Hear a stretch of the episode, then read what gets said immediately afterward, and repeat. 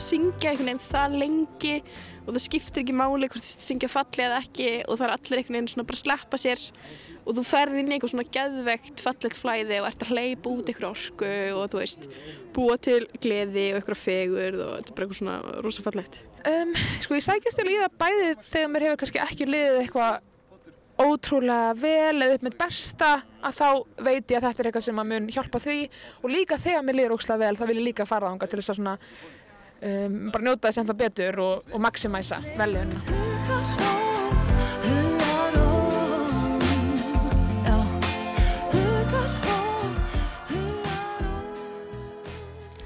Undanfærin ár hafa sífælt fleiri staðir sprottu upp á Íslandi sem bjóða upp á aðtapnir sem leytast við að skapa andrimi í amstri dagsins.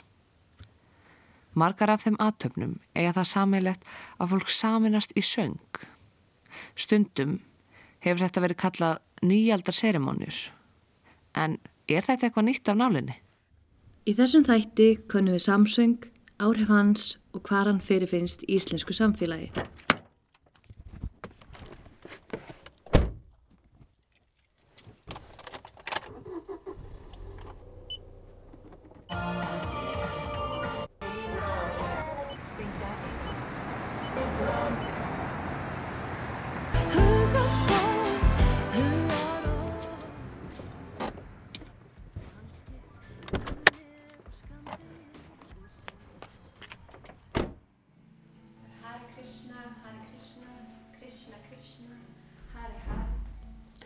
Ég er stödd í Móar stúdíó í Bólholti fjögur.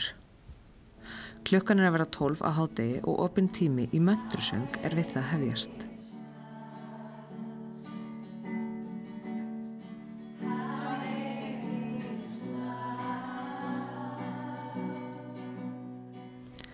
Ég kemur fyrir á jókadínu í miðjum salnum, umkringt fólki á öllum aldri. Lára sem leiðir söngin er fremst í salnum, umkring steinum úr íslenskri náttúru, plöntum og hljóðfarum. Fyrir aftan hana er stór klukki sem vísar út að snæfri þaktri esjunni. Á milli mín og hennar líkur sjórin, borgatúnið, bílaumferð, en beint fyrir utan klukkan er gríðastort skærblegt skildi með áleitruninni Orkan.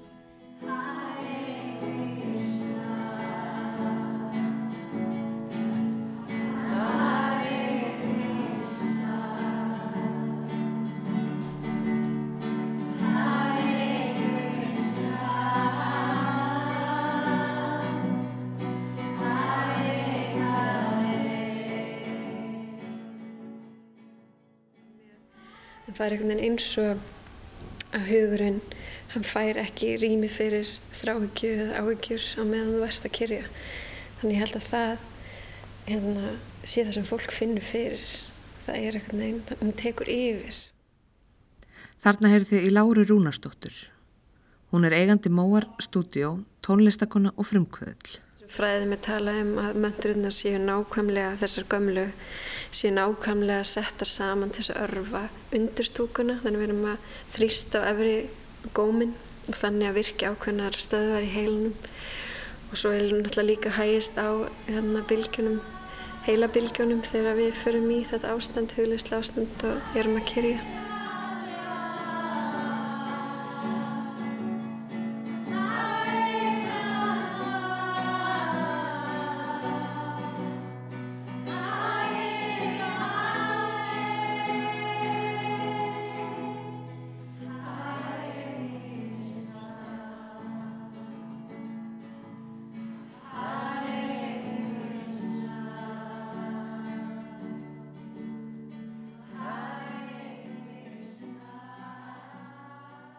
Það er náttúrulega sem samsvingurinn gefur er tengsl, tengsl okkar á milli og náttúrulega þegar maður er á þessum kjarnastað, maður er í sér og það er maður að tengja við fólk og rými sem maður er í, það magnast allt upp. Reyfingin sem á sér stað þegar fólk er að syngja saman, þú veist, þá verður mögnun, svo mikil mögnun og ég fann og finn það ennþá því ég er svo vun að syngja einn og upp á svið og hefur verið tónlistakona í svo mörg ár. En um leiði fór að gera þetta og vorum, ég fann svo strax að við erum saman. Og það var svo lítið, það verður engin aðgreining. Við erum bara að búa til eitthvað alveg einstakt saman þó við séum að kyrja kannski möntru sem hefur verið kyrjuð í mörg, mörg þúsundir ára eða hundruð ára. En þá erum við þarna bara að skapa eitthvað algjörlega einstakt. Ég held að það sé það sem við finnum, það magnast allt í hóp.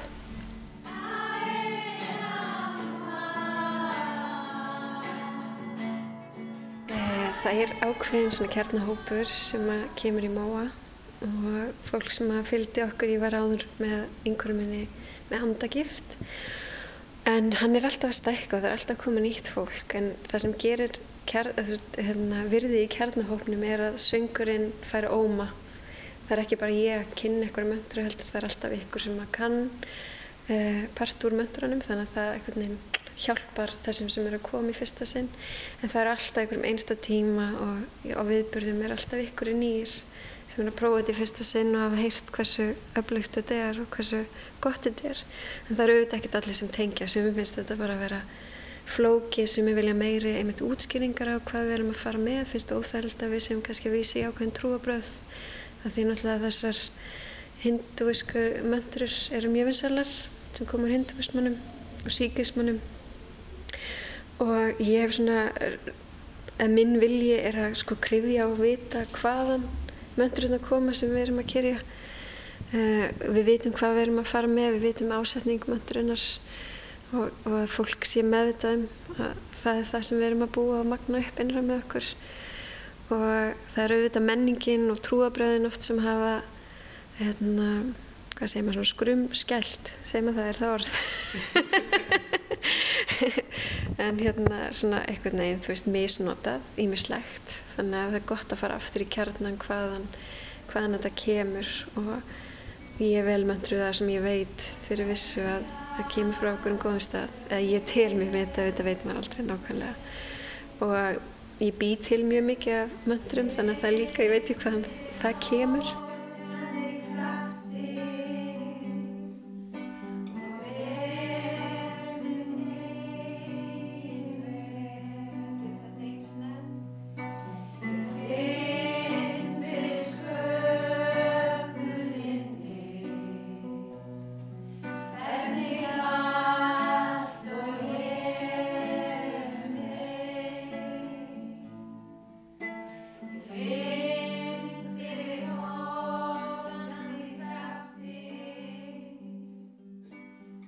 Í upphafi möndrustundarinnar, þegar ég settist á dýnuna, gekk Lára á milli og færði hverjum þáttakanda boll af kakó og hún bað okkur um að setja ásetning fyrir stundina.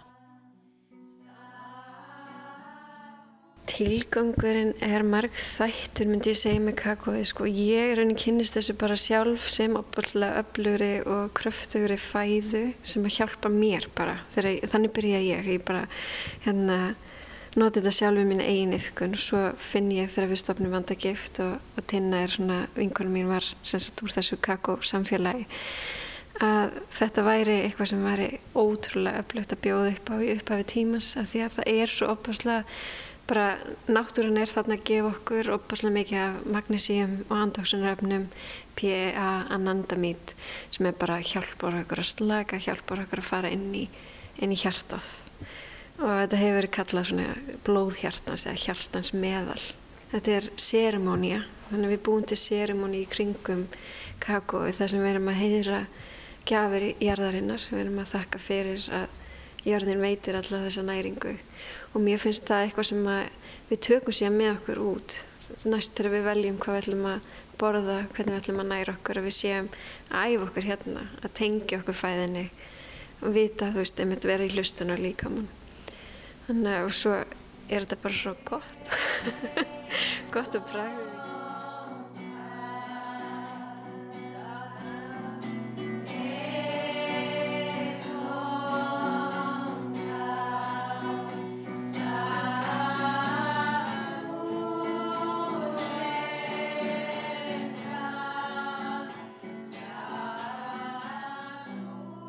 það sem er hvað mikilvægast er að við, þegar við erum að fara inn í svona andlega rækt og oft erum við að viðkvæm stað þegar við leitum þangað að vera í djúbri hlustun á þær tilfinningar sem koma upp hérna oft verður þetta svona ákveðið trend eða ákveðið tíska eða ákveðið kallt og ég hef sjálf einmitt inn í þessum kundalíni heimi farið frá sjálfur mér inn í eitthvað kallt sem að, uh, var ekki gott fyrir mig.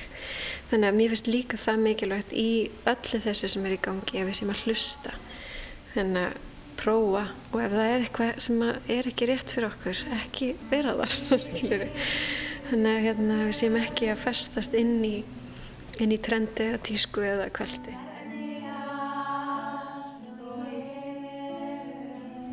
Í miðjum tímanum þegar ég stóð á jókadínunni umkringt ókunnu fólki sem söngum sköpunina myndi augnablikið mig óneitanlega mikið á aðra yðkun sem hefur verið all lengur í íslenskri menningu. Mér leita áldi eins og ég væri í kirkju. Þess vegna spurði ég Láru í hvað væri verið að vísa þegar sungið er um sköpunina í möndrusöng. Ég myndi segja að við verðum að vísa en alltaf bríðina kraft sem að býr innur með okkur og fyrir mér er Guð, er við all Guð og allt sem að býr innra með okkur við erum í raun gúrum sem hefur oft verið eitthvað svona kallag ímynd en við erum í raun að e, máturinn og hérna og sköpunin í rauninu bara er allt í rauninni og í dag erum við náttúrulega mjög mikið að tala um að hvað við viljum skapa, hvað við viljum búa til, hver er okkar tilgangur þannig að við meðum fara aftur heim og finna og heyra í okkur. Og það er það sem mentursengurinn líka gefur. Við förum heim og förum að muna í alveg rétt. Það því að það er svo mikið áriðið það er svo miklar kröfur um að vera alls konar og gera alls konar. Þannig að já, sköpunin og sköpunarkrafturinn er bara hvað vilt þú búa til? Hvað vilt þið gera þetta líf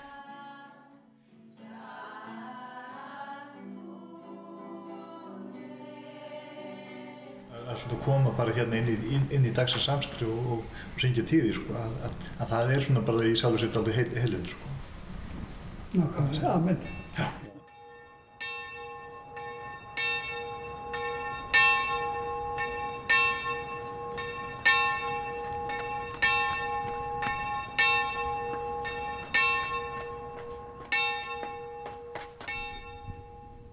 Klukkan var slá 5 og ég er stödd á stað sem hefur í gegnum aldirnar einni nýtt sér hópsöng til að tengjast mættinum. Dómkirkjun í Reykjavík. Í nafni Guðs, Föður, Sónar og Heilagsson. Hinga er ég kominn til að hitta Séra Svein Valgersson. Hann, á svona organistunum Káraþormari og Glúmi Gilvasinni, ætla að leiða mér að hlusta á tíðasöng kirkjunar og segja mér hvað fælst í slíkri bænagjörð.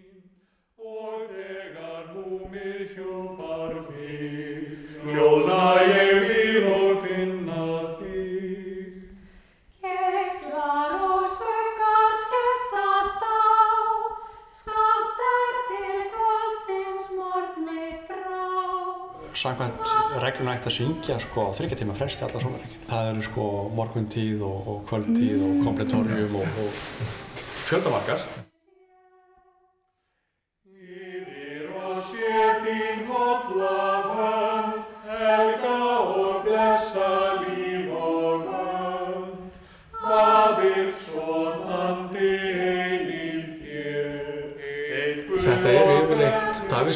Súnir með bísna gömlu tónlegi og Glúmur var að segja okkur frá því á einhverjum fyrirlestri fyrir nokkuð síðan að hann hérna sömu af þessum lögum er alveg ævaform og uh, þetta er náttúrulega sömnt af þessu hefur sennilega verið sungið í synagókunni í, í hérna landinu Helga og, og, og í díasporunni þar að segja, já dreifingunni í synagókunum eftir að musturinn var sem sagt aflagt.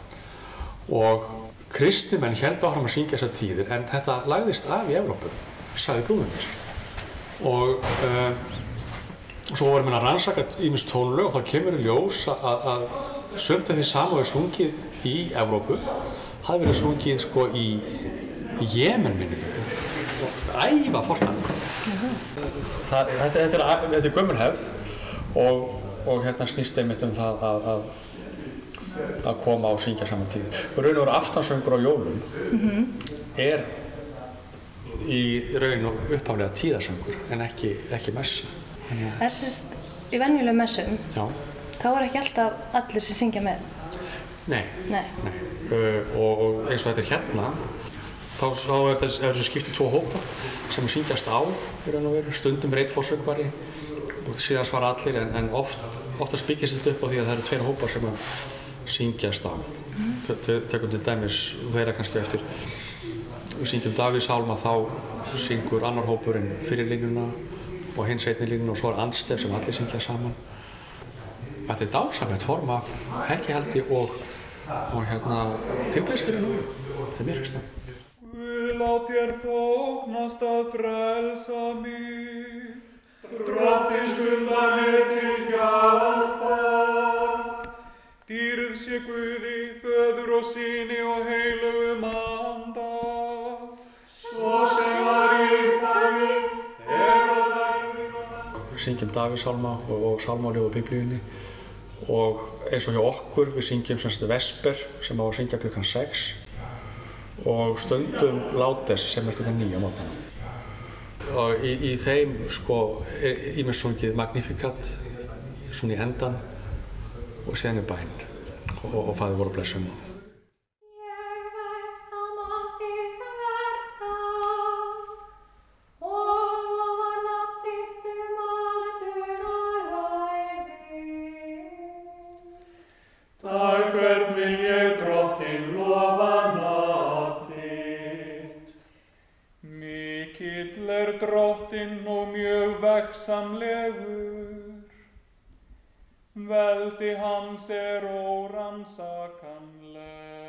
Það maður þarf að hafa þrautsegi við þessu.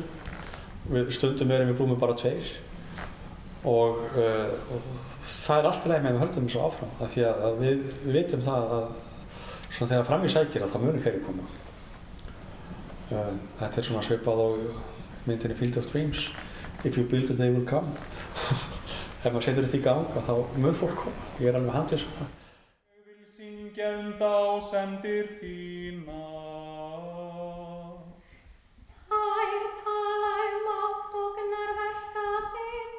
Márum við undirstryka það að þetta er ekkert fyrir einhverja atvinnarsangvara. Hér geta allir komið og, og sungið með. Þetta hafðist að Selfossi sko frá, frá frá börnum. Börnin lærðu upp í barnakórnum og svo eru núlingar þá fenguðu vinnu í kirkjunni eh, sem þegar þú og hreins á sumurinn og til kirkjarðum og, og fór í kaffetíma að- á morgnana þegar að gamleikjarnir komu. Þá lásu þau notur og sungu þetta inn í hausinu á gamla fólkinu. Og, og þetta er kannski bara með það að syngja og syngja í kór sko, þannig að fólk kemur saman hvort sem það, það er í kórs, veljum kórsöng eða, eða tíðum sko, að, að, ég, að, að þetta vantarlega hefur bara svo mikið með, með öndunin að gera sko, og einhvern veginn að, fólk þarf eh, sko, þegar, það, þegar það syngur þá, þá andar það allt, allt öðru, öðru vísi heldur en bara svona í, í bara, bara, bara dagst, dagstælega sko, og, og, einhvern veginn og fyllir einhvern veginn sko, líka með miklu miklu meira og, og, og þetta hefur svona bara mi- mikil áhrif bara á allt kerfið. Þetta er bara þekkilega allir sem hafa verið í kórastarfi að við getum komið í illu skapi og drullu pyrraður á kórarinn en það vonast að fara það þannig að því að söngurinn er bara svo góð fyrir mig. Syngur engi reyður maður. Nei.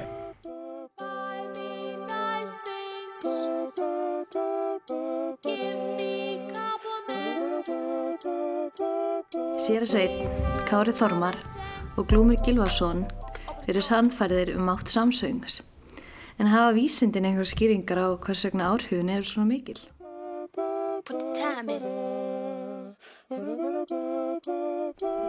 Við höfum tilhengt til að tengjast eh, sterkar þeim sem að við syngjum með.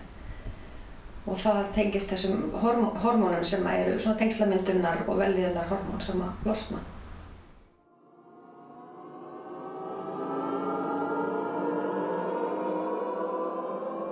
Þarna heyrðu þið Helgarud Guðmundsdóttur, þar sem hún útskýri líkamlega áhrifin á því að syngja saman í hóp. Helgarud er prófessor í tónlistafræðum við mentavísindasvið Háskóla Íslands. Rannsóknir hennar og kennsla snúa miklu eitthvað því hvernig mannskjarnan lærir og skynja tónlist. Eh, Það er ákveðin hormón sem að losna við það að syngja. Og þetta er svona velliðunar hormón sem að eru bara losnaði við, eins og við ákveðna vímugjáfa, jáfnvel eða í kynlífi eða, eða öðrum svona uh, eitthvað sem er svona mjög náinn samskipti og það er líka þess vegna við, við, við, við erum hrætt við þetta það, af því að hérna, þetta gefur okkur svona rosa tilfinningar en við þurfum kannski svona aðeins að, að gleyma okkur við erum í svona algleymi til þess að uh, leifa söngnum að, að streyma fram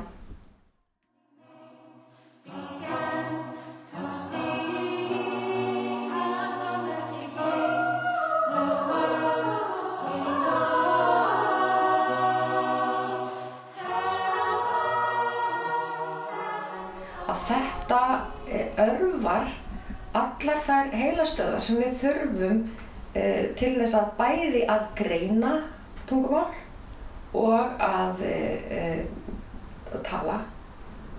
Og þess vegna er söngur eitthvað sem að er uh, búið að að sína mjög skýrt fram á að hefur svona þerapísk uh, áhrif eða bætandi áhrif á uh, fólk til dæmis með málstól eða fólk sem er með heilabilanir að það, þetta hjálpar að efla þessar heilastöðar.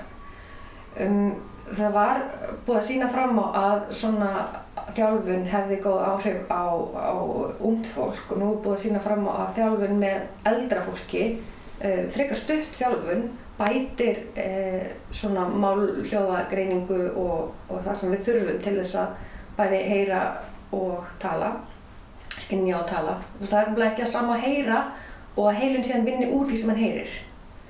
Og það er það sem skiptir svo miklu máli, að við getum unnið úr málhljóðanum og svo hefur þetta svo mikil áhrif á getu okkar til þess að síðan að, að lesa. Þannig að þetta er raun og veru ótrúlega mikilvægt, til dæmis að, að syngja með börnum, að þú ert að vinna svo skýrt með þær heilastöðvar sem þú þarft að hafa vel svona, uh, hvað ég segja, vel þjálfaðar til þess að geta náð góðum tökum á tungumáli og lestri í framtíðinni.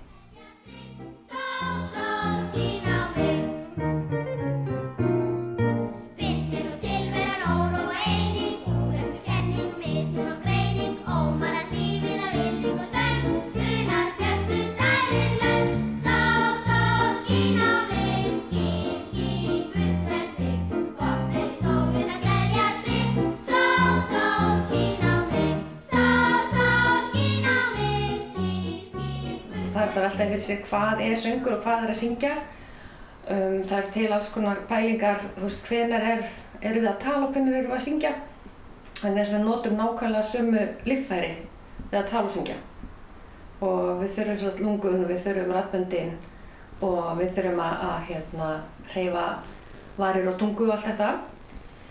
Um, en, eh, og það er svona, til dæmis þegar við byrjum að syngja, bara börn byrja að hjala, að þá er ekki kannski skýr munur á milli tals og söngs.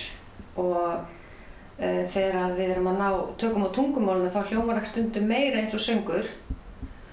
Og þegar að við þurfum að rannsaka svolítið, sko reyna rannsakandi voru svolítið upptegnir að því að reyna að aðskilja hvað er söngur og hvað er tal en í raun og veru verðist það kannski ekki skipta svo miklu máli. Það er alltaf koma betur og betur í ljós að þetta skarast mjög mikið líka í heilanum.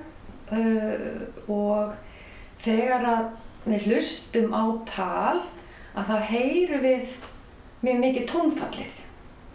Við gerum okkur, okkur ekki grein fyrir því að það þarf að vera ákveðin rytmi og það þarf að vera ákveðin svona, svona tónfall, hvernig maður talar eitthvað er og ef að það er einhvern veginn ekki nákvæmlega eftir einhverjum ákveðnum uh, reglum að þá skiljum við ekki hvað er sagt eða þá hefur við miklu erfiðar með að skilja það. Þess vegna er erfiðar að skilja einhvern sem hefur annan hrinjanda sem hefur lært annað tungumál.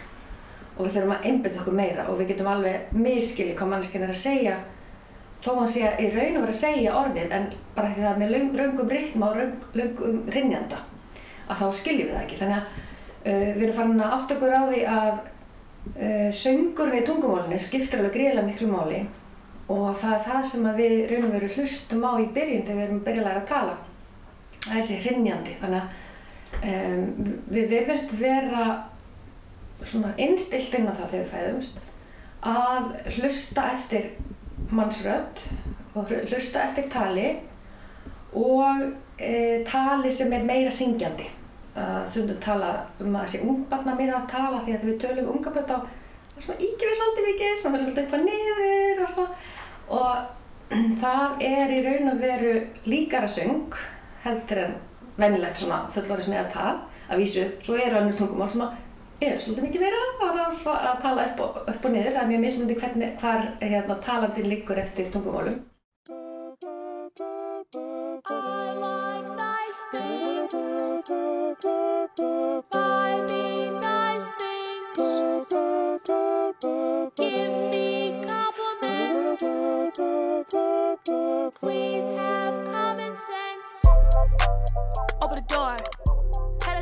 Hættir að vera töff að syngja á ákveðnum tímum í okkar hérna samfélagi. Í öðrum samfélagum hættir fólk aldrei að syngja. Það er sungið við öll tækfæri og alltaf ef einhver kemur heimsókn eða eitthvað, eitthvað gerist þá er til söngur fyrir það. Og þetta er hérna eitthvað sem við höfum ekki í okkar samfélagum. Ég hef svona mína eigin kenningu uh, og þetta er kannski ekki kenning en, en ég velti fyrir mér vegna þess að söngur er svona nátengdur tilfinningum að þá er verður það að syngja verður eitthvað sem er svo erfitt. Og ef að þú ert í samfélagi þar sem að það skiptir máli að þú verður að syngja alveg svo- svona eða hins eginn sko að þetta er flott og þetta er ljótt og, og, og hérna, er röddinn mín falleg eða ekki uh, og áhersla á að, að vera sólisti og vera listamaður þegar maður syngur og í vestræðum samfélagum miklu meira um að, að fólk skilgrein sig sem uh, að geti ekki sungið. Ég er ekki söngvari, ég kann ekki syngja. En það er samt, sama fólk eh, syngur með sjálfum sér og syngur þegar það er að ryggsuga við sturtu eða bíl eða eitthvað þannig. Þannig það er augljóst að þetta er einhver mannleg þörf fyrir að syngja en um leið að söngur er svo afhjúpandi.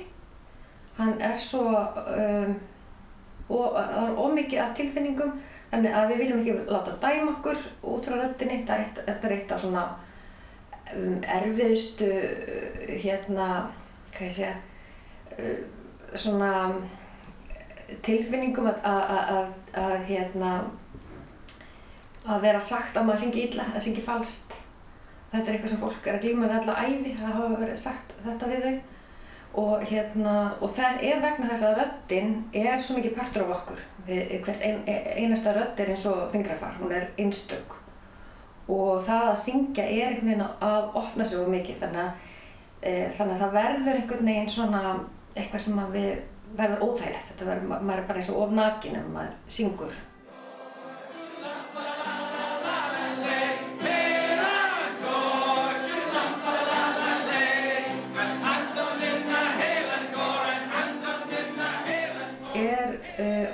Fjöldasöngur á Íslandi er uh, meiri eða minni heldur en gengur gerist annar staðar af því að mér veist, uh, dæmis, við erum að mæla íslensk börn koma mjög vel út úr söng þróskaprófum sem að við höfum verið að leggja fyrir í leikskólum. Þannig að þau verðist vera vön að syngja og við höfum svona að velta fyrir okkur. Er meira sungið hérna, er þetta meira söng samfélag um, Ég hreinlega veit það ekki alveg, ég, en, en það er allavega ennþá þannig að fólk sækir í svona uh, samsöngs, uh, en, en það er víða í, í löndunum í kringum okkur sem er svoleiðis, uh, bóðið upp á samsöng uh, undir berum himni á, á hérna, í alls konar samhengi. Skuggar í skjóli nætu skjótar út um sínum hér Og það er nú oft eins og í okkar samfélagi, þá eru svo sumir þurfi að fá eitthvað vínmugjafa til þess að losa og kalla söngvatn í gamla daga áfengi. Uh, að þá hættir fólk að velta í fyrir sér uh, of mikið að, og, og, og þá losnar aldeilis um söngþörfina. er allt liðið hjá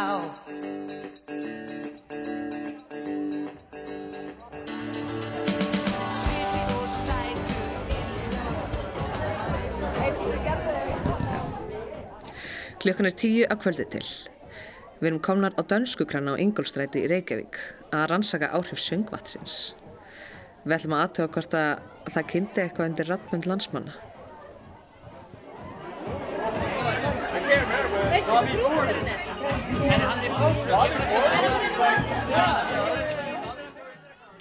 Trúbátunum var í pásu þegar við komum, þannig að við tókum fólk á tali á meðan við byggðum eftir að fjöri byrja. Bara trúbótara stemming, þetta er bara mjög íslensk stemming. Uh, fullt íslenskt fólk að syngja drikkilög. Andri Gíslason barþjótt lísti stemmingunni fyrir okkur. Yfirleitt næst upp mjög góð stemming, það sem allir syngja með og, og dansa og svona, en það fer eftir hvernig trúbóturinn er. Það næst ekki alltaf þessi stemming, það er bara eins og með alla hljómsveitir og tónlistamenn, það ná ekki allir um stemmingu, en þegar stemmingin næst, þá er hún gegn. Og er alltaf allir að syngja með? Ekki allir, en, en jú, mjög margir og sérstaklega seint á kvöldin þegar fólk er komið aðeins meiri glas. Þó að mörgum þykir trúbótarakvöld eflust langt frá tilbyðslu og möndursöng þá eiga þessar aðtafnir ímislegt sameigilegt. Það er eitt leiðtögi sem ákver hvað er sungið og hópurinn býður að hann hefji söngin. En fremur losna sem bóðefni í heilanum hvort sem hann sungir í jókastúdjó, á kirkjubekk eða á bargólfi.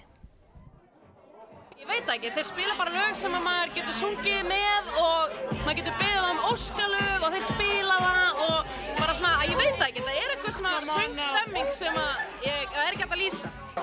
Já, þetta Íslandingar hafa aldrei skemmt sig við lög sérstaklega, þeir skemmta sig við texta. Ef þið kunna textan, þá getið þið að djama.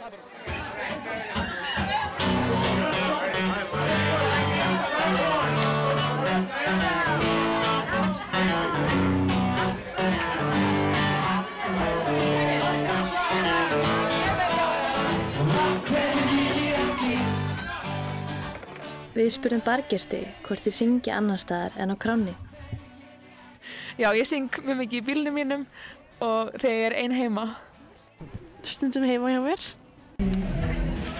Öll að vera í bílnum, sko. Ég, ég, er, ég er í kór og að syngja tilefni, þannig að já, ég ger það, þannig að þess vegna líka kannski eftir ég, eftir ég við þetta. En þú? Já, bara í bílnum mínum, sko. ég er algjör söngdífa í bílnum. Já, heima hjá mér og í bílnum og ég elskar líka bara að syngja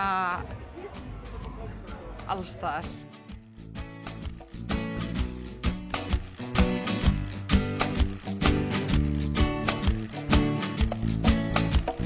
Af hverju get ég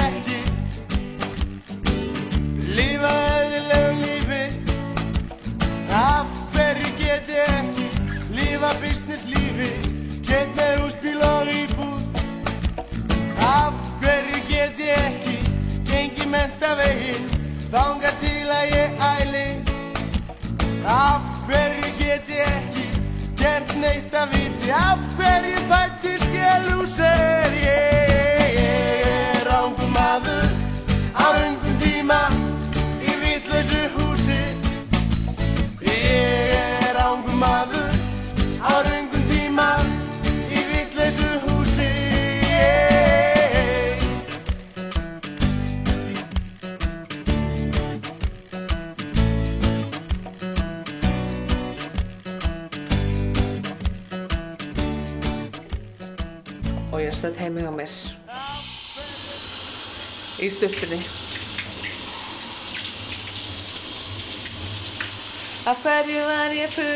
virkum degi?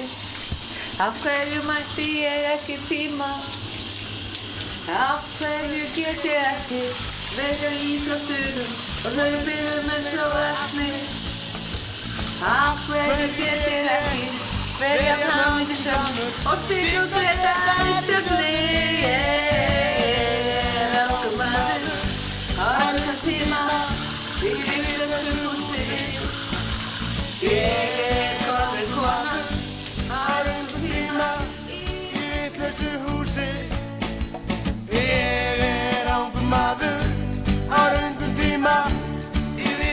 who